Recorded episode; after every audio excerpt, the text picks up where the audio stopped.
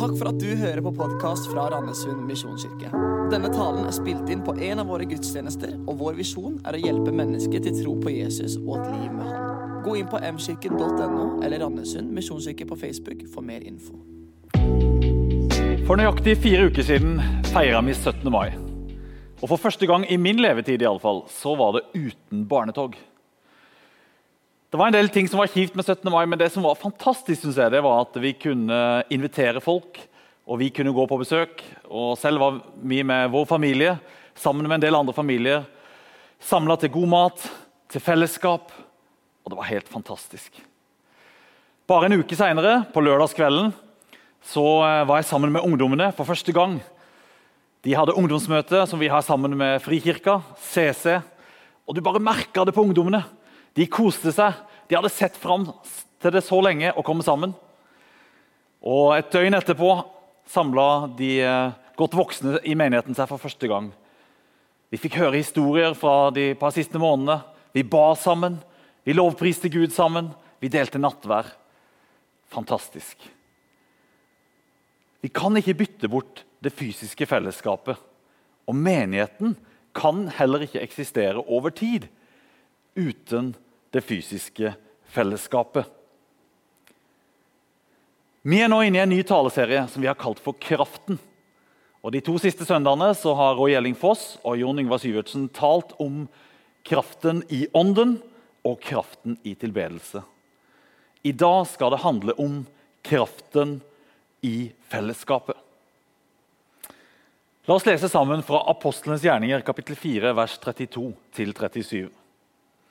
Alle de troende var ett i hjerte og sinn, og ingen regnet det de eide, som sitt eget. De hadde alt felles. Med stor kraft bar apostlene fram vitnesbyrdet om Herren Jesus, som var stått opp, og stor nåde var over dem alle. Ingen av dem led nød, for de som eide jord eller hus, solgte det og kom med pengene og la dem for apostlenes føtter. Så fikk hver enkelt tildelt det han trengte. Josef, en levitt fra Kypros, ble apostlene også kalt Barnabas. Det betyr trøstens sønn. Han solgte en åker han eide, kom med pengene og la dem for apostlenes føtter. La du merke til i denne teksten hva konsekvensen av det kristne fellesskapet var?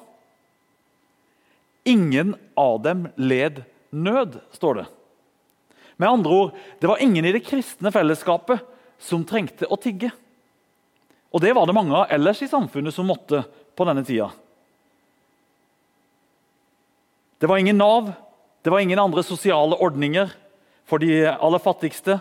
Og det var store forskjeller mellom fattig og rik. Og det var ofte hungersnød. Hva var da det spesielle med det kristne fellesskapet som gjorde at ingen led nød? La oss lese det første verset på nytt igjen. Alle de troende var ett i hjerte og sinn, og ingen regnet det de eide, som sitt eget. Hva betyr dette? Betyr det at de eh, var enige om alt? I så fall har menigheten forandra seg mye på de siste 2000 åra. Nei, det kan det ikke ha vært. For Når vi begynner å se litt lenger utover i apostelens gjerninger, så finner vi at allerede i kapittel 6 så er de ganske uenige i forbindelse med matutdeling til enkene. Og vi vet Senere begynte de å diskutere teologiske spørsmål. og Det var store personlige konflikter mellom enkelte i disippelflokken.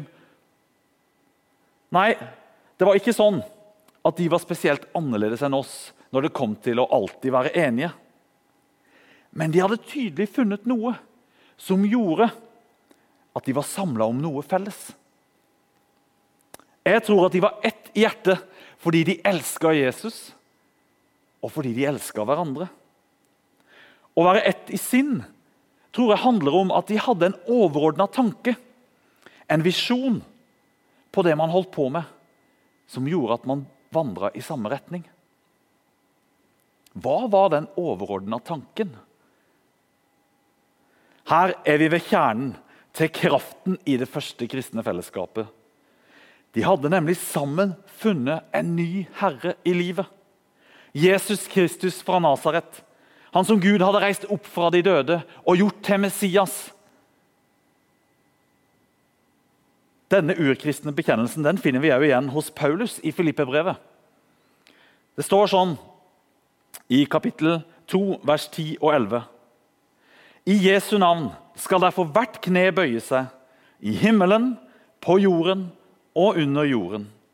Og hver tunge skal bekjenne at Jesus Kristus er Herre, til Gud Faders ære.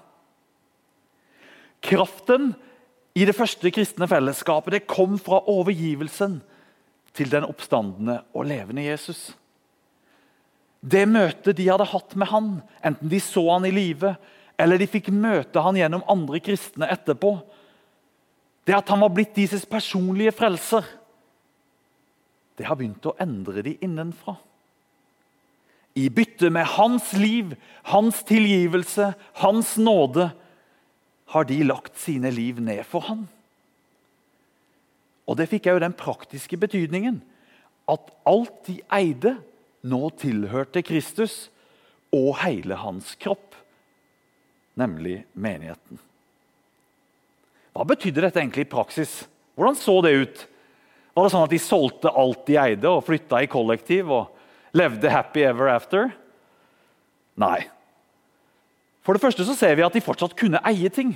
Det ser vi i kapittel 5. Og, og vi ser at ikke alle husa ble solgt, fordi at fortsatt samla menigheten seg hjemme hos Johannes og hjemme hos Peter. Og...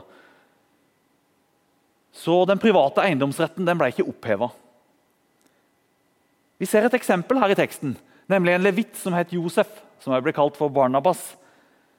Han solgte én av åkrene han eide, står det, og kom med pengene til apostlene, som igjen delte ut til enhver etter som hver trengte det. Jeg vokste opp med å synge sangen 'Alt for Jesu fot jeg legger'. Og I det koret, som er en veldig mektig og sterk tekst, så står det 'Jeg vil gi deg alt'. Du skal råde, kjære frelser, jeg vil gi deg alt. Jeg tror nok at når jeg sang denne sangen for første gang kanskje i tenåra, så mente jeg det. Men allikevel, når jeg ser tilbake, så tenker jeg litt sånn at mange ganger så ble det en litt sånn der ut i lufta-overgivelse. Som kanskje i liten grad fikk så veldig mye konsekvenser. I beste fall så ga jeg han mine synder, mine feiltrinn. De jeg skjønte at jeg måtte bekjenne. Og så involverte jeg han kanskje i bønn for å få ledelse overfor noen store livsvalg. Men her ser vi noe enda mer konkret. Å legge alt for Jesu føtter var for de første kristne ensbetydende å legge det og først be om Den hellige ånds veiledning, og deretter, ut ifra hva man ble minnet på, og de, hvilke behov som fantes Kanskje selge en eiendom, eller selge ei tomt man hadde oppe i Galilea man hadde tenkt å bygge hytte ved. Og Så kom han med pengene og la de for apostlenes føtter. Og så ga de de videre. Flere av de første jødene som kom til tro, var relativt velstående. Kanskje sånn litt øvre middelsklasse med enebolig i en av bydelene. En leilighet i sentrum man leier ut. En hytte på Hovden, kanskje hytte ved sjøen eller en leilighet i Spania. Når disse kom til tro, så var det ikke lenger sånn at dette var bare noe som skulle berike de sjøl. Nei, nå ville de forvalte det til det beste for Guds rike. Det interessante her er at Den verbformen som er brukt, en såkalt pågående handling i presens, indikerer at dette var ikke noe som ble gjort én gang og siden aldri gjort mer. Det vitner mer om en livsstil, et ønske om å stille alt man eier, til disposisjon, og være lyttende til Den hellige ånd og lyttende til menneskets behov. Og så bruke de mulighetene man har. I 1997-1998 så var jeg og min forlovede Karianne på bibelskole i USA, i Montana. På eh, en eh, UiO-skole som heter SBS, og studerte Bibelen. Det var veldig mye fint med det året, men én person jeg husker veldig godt, det var Gary. Han var gift, han hadde barn. Han bodde på en uh, enkel uh, Det kan ikke kalles en leilighet engang, for det var bare to rom på denne basen. Og han var med å tjene på denne basen. Og Så delte vi en felles interesse. Vi var begge to veldig interessert i jakt. Og Han tok meg med annet på whitetail deer hunting rett rundt basen i Montana. der. Eh, vi fikk ikke noe, men vi så dyr. Og så På en av disse turene så forteller han meg om en innsamling de hadde hatt på basen.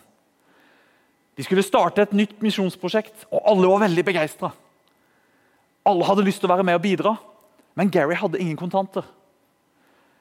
Han spurte Gud Gud, hva skal jeg gjøre for noe. Jeg har ingen kontanter, jeg har lyst til å være med og gi.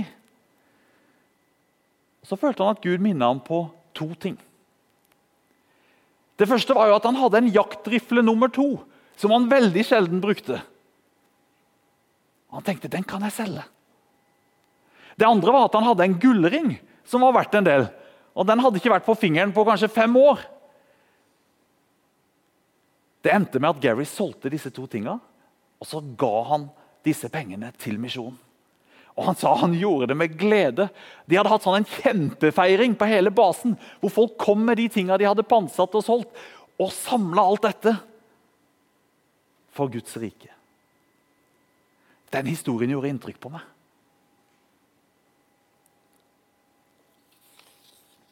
Et drøyt, et, et drøyt år etterpå vi var kommet tilbake fra USA, vi var gift, og jeg gikk på Ansgar-skolen så skulle vi få vår første bil. En Toyota Carina. 84-modell kupé. Oh, det var min første bil. Det var bare det at Den så ikke ut, for den lakken var skjedd et eller annet med. så Den så ut som den var spedalsk og flassa hele bilen. Men jeg husker jeg tenkte Gud, denne bilen, den er din. Du får et bilde her. Den bildet til venstre er i fall en Toyota Carina. Og Den ligna litt på min, bare, bare, at den lakken min den så ikke sånn ut. altså Den var elendig. Men jeg sa til Gud at Gud, denne bilen her, den skal selvfølgelig jeg disponere, men den tilhører deg. Hvis noen kan bruke den og vil låne den, så er den til de sin disposisjon. Og Det var det litt behov for på Ansgar-skolen, mange studenter ikke alle hadde bil. Så det var en del som fikk nyttiggjøre seg av det var det en, til og med en som stjal den. da Han gikk ikke på Ansgar. Men en, en dag våkna jeg opp og fant ikke bilen på parkeringsplassen. Og Etter litt så ringte politiet meg, og det sto på søm. Så Jeg vet ikke om det var noen her fra Randesund misjonskirke, men jeg håper ikke det. Men i alle fall Etter det så har jeg forsøkt å leve etter det prinsippet at det et eier, tilhører egentlig Gud. Og det er til disposisjon for hans rike. Men det har ikke alltid vært like lett. Særlig ikke når bilene ble nyere og dyrere. Og jeg husker I 2011 da kommer den andre bilen på dette bildet inn. Den som står til høyre. En Mitsubishi Outlander 2007-modell. Jeg fikk den i 2011. Det var til og med ett år igjen på garantien. Jeg hadde aldri kjøpt så dyr en bil. Og Et par dager etterpå så hadde jeg en bønnestund. Og så er det akkurat som jeg opplever at Den hellige ånd hvisker noen tanker inn i ørene mine. Jeg ser du har fått ny bil. Du vet vel at naboen din han har just fått sertifikat, men han har ingen bil? Eh, vil du tilby han å låne din? Jeg måtte virkelig gå noen runder. Det var en ting med en flassete, spedalsk Toyota Carina 480-modell. Men dette var tross alt en helt nesten ny bil, iallfall for meg. Og Jeg bare så for meg hva som ville skje. Jeg visste hvordan jeg sjøl hadde vært ny med sertifikatet. og men til slutt så måtte jeg overgi meg og si Gud, det er din bil. Hvis du vil at jeg skal låne den til han, så vil jeg låne den til han. Og så skal jeg bare skynde meg å si at det har vært mange ganger jeg har kjent at jeg, at jeg har sagt nei til det Gud har minnet meg på. Og mange ganger har jeg fått være på den andre sida av bordet, nemlig fått høste velsignelsene av at noen andre har vært rause og stilt sine ting til disposisjon. En hytte jeg har fått låne, eller en bil jeg har fått låne, verktøy jeg har fått låne, osv. Det interessante med dette er jo at for at noen skal være rause, må det òg være et behov i andre enden. Ikke alltid at noen faktisk lider nød, selv om vi òg har det rundt oss. tror jeg. Og I mange av de misjonslandene vi opererer, så har vi folk som faktisk lever fra hånd til munn. Men det er viktig at den som har et behov, uttrykker det og får mulighet til å uttrykke det i menigheten, i det kristne fellesskapet. Det må ha skjedd, nemlig, her i den første kristne menighet. Hvordan kunne de ellers vite hvem som led nød og ikke? Jeg tror det handler om det her. Nemlig at Gud, som elsker oss så høyt, og som demonstrerer sin kjærlighet gjennom å gi oss livet, gjennom å gi oss denne fantastiske jorda, gjennom å gi oss sin sønn, både hans liv, hans død og oppstandelse. Han ønsker at denne kjærligheten skal nå alle mennesker. Og han vil at den skal være veldig konkret. Han vil at den skal dreie seg om de dagligdagse behovene. Og Derfor vil han bruke oss som sin kropp til å dele raust videre.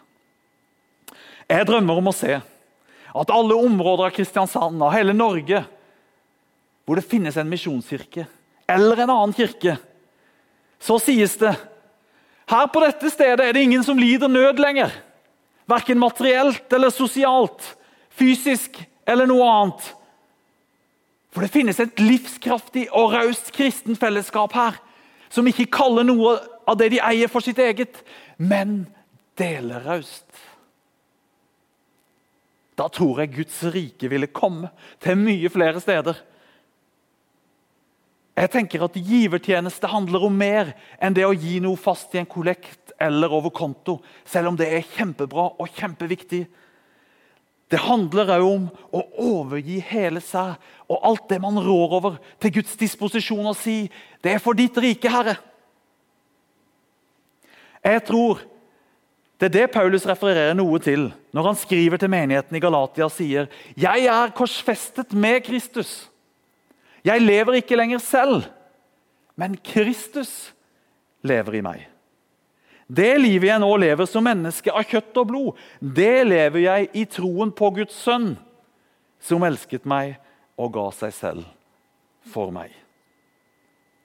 Poenget tror jeg er at Gud vil vi skal forvalte det vi eier, og rå over til hans rikes beste, ikke mitt. Og jeg har erfart, iallfall i noen brøkdeler, og sett i veldig mange andres liv, at det er fullt mulig å kunne glede seg og nyte slik Paulus sier til Timoteus. Dere skal ha rikelig av alt, så dere kan nyte det. Og samtidig ha et våkent øre for Den hellige ånds minnelse og de behova som finnes, og si til far det er egentlig ditt alt sammen. Jeg bare forvalter det.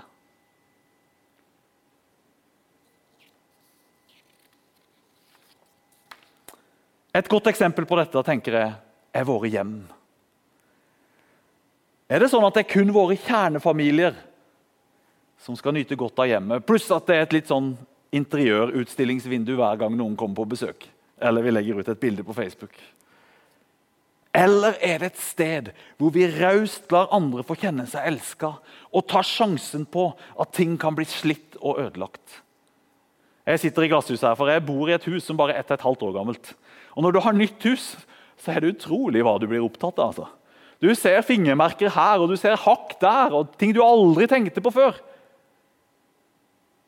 Men skulle jeg la det gå utover viktigheten av å la andre mennesker få nyte godt av det hjemmet? Små barn som setter sine klassete fingre overalt, eller som mister ting i gulvet. Eller ungdom som herjer litt rundt. Hva ville Jesus gjort?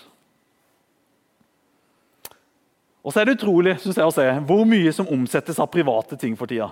Det er kjøp- og salggrupper overalt for det meste. Og jeg er av og til inne på de sjøl, må jeg bare innrømme. Finn.no flommer over av diverse salgsobjekter. Men ofte er det jo sånn at så selger jeg én ting, og så kjøper jeg jo bare med de pengene jeg har solgt den ene tingen, noe annet enn meg sjøl.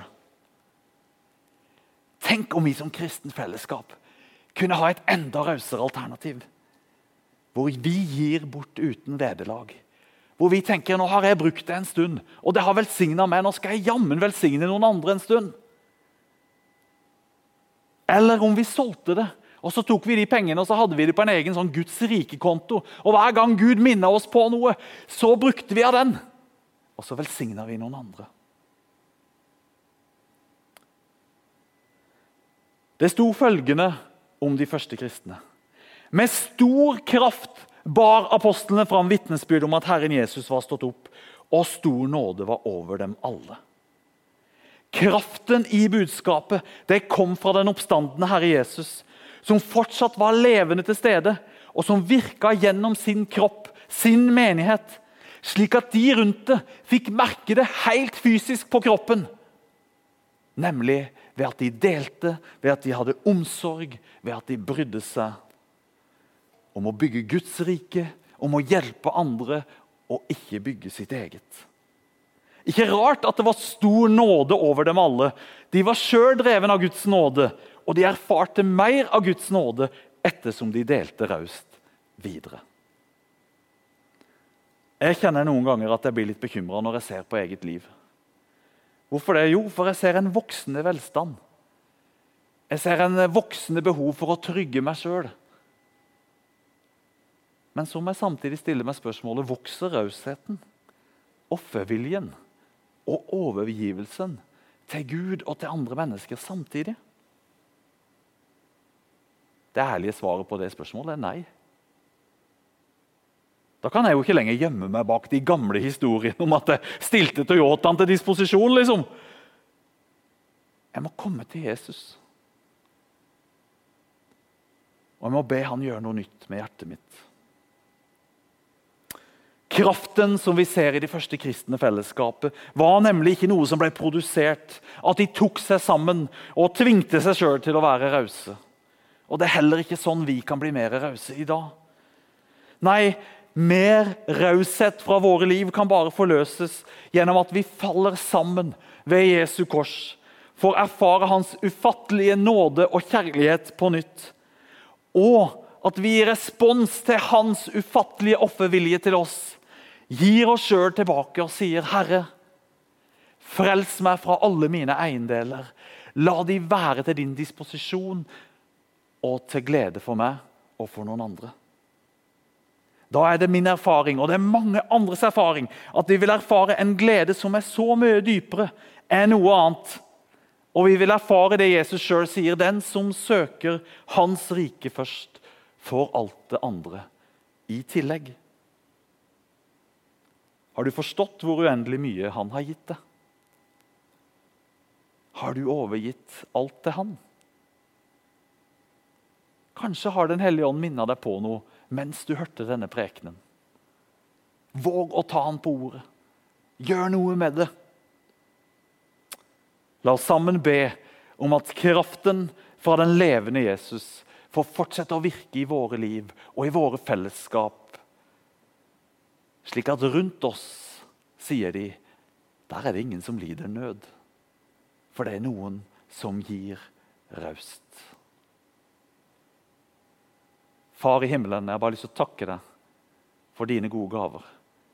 Takk at du har gitt raust helt ifra begynnelsen, fra skapelsen, og like til du sendte Jesus og ga han opp for oss, Herre. Gode Hellige Ånd, må du fylle våre liv med takknemlighet. Og må du drive oss slik at ikke vi bindes opp til våre eiendeler, våre hus, våre biler, men at vi holder dem med en åpen hånd. At vi forvalter det til det beste for ditt rike, Herre. Og til andre menneskers beste rundt oss. Vi ber i ditt navn, Jesus. Amen.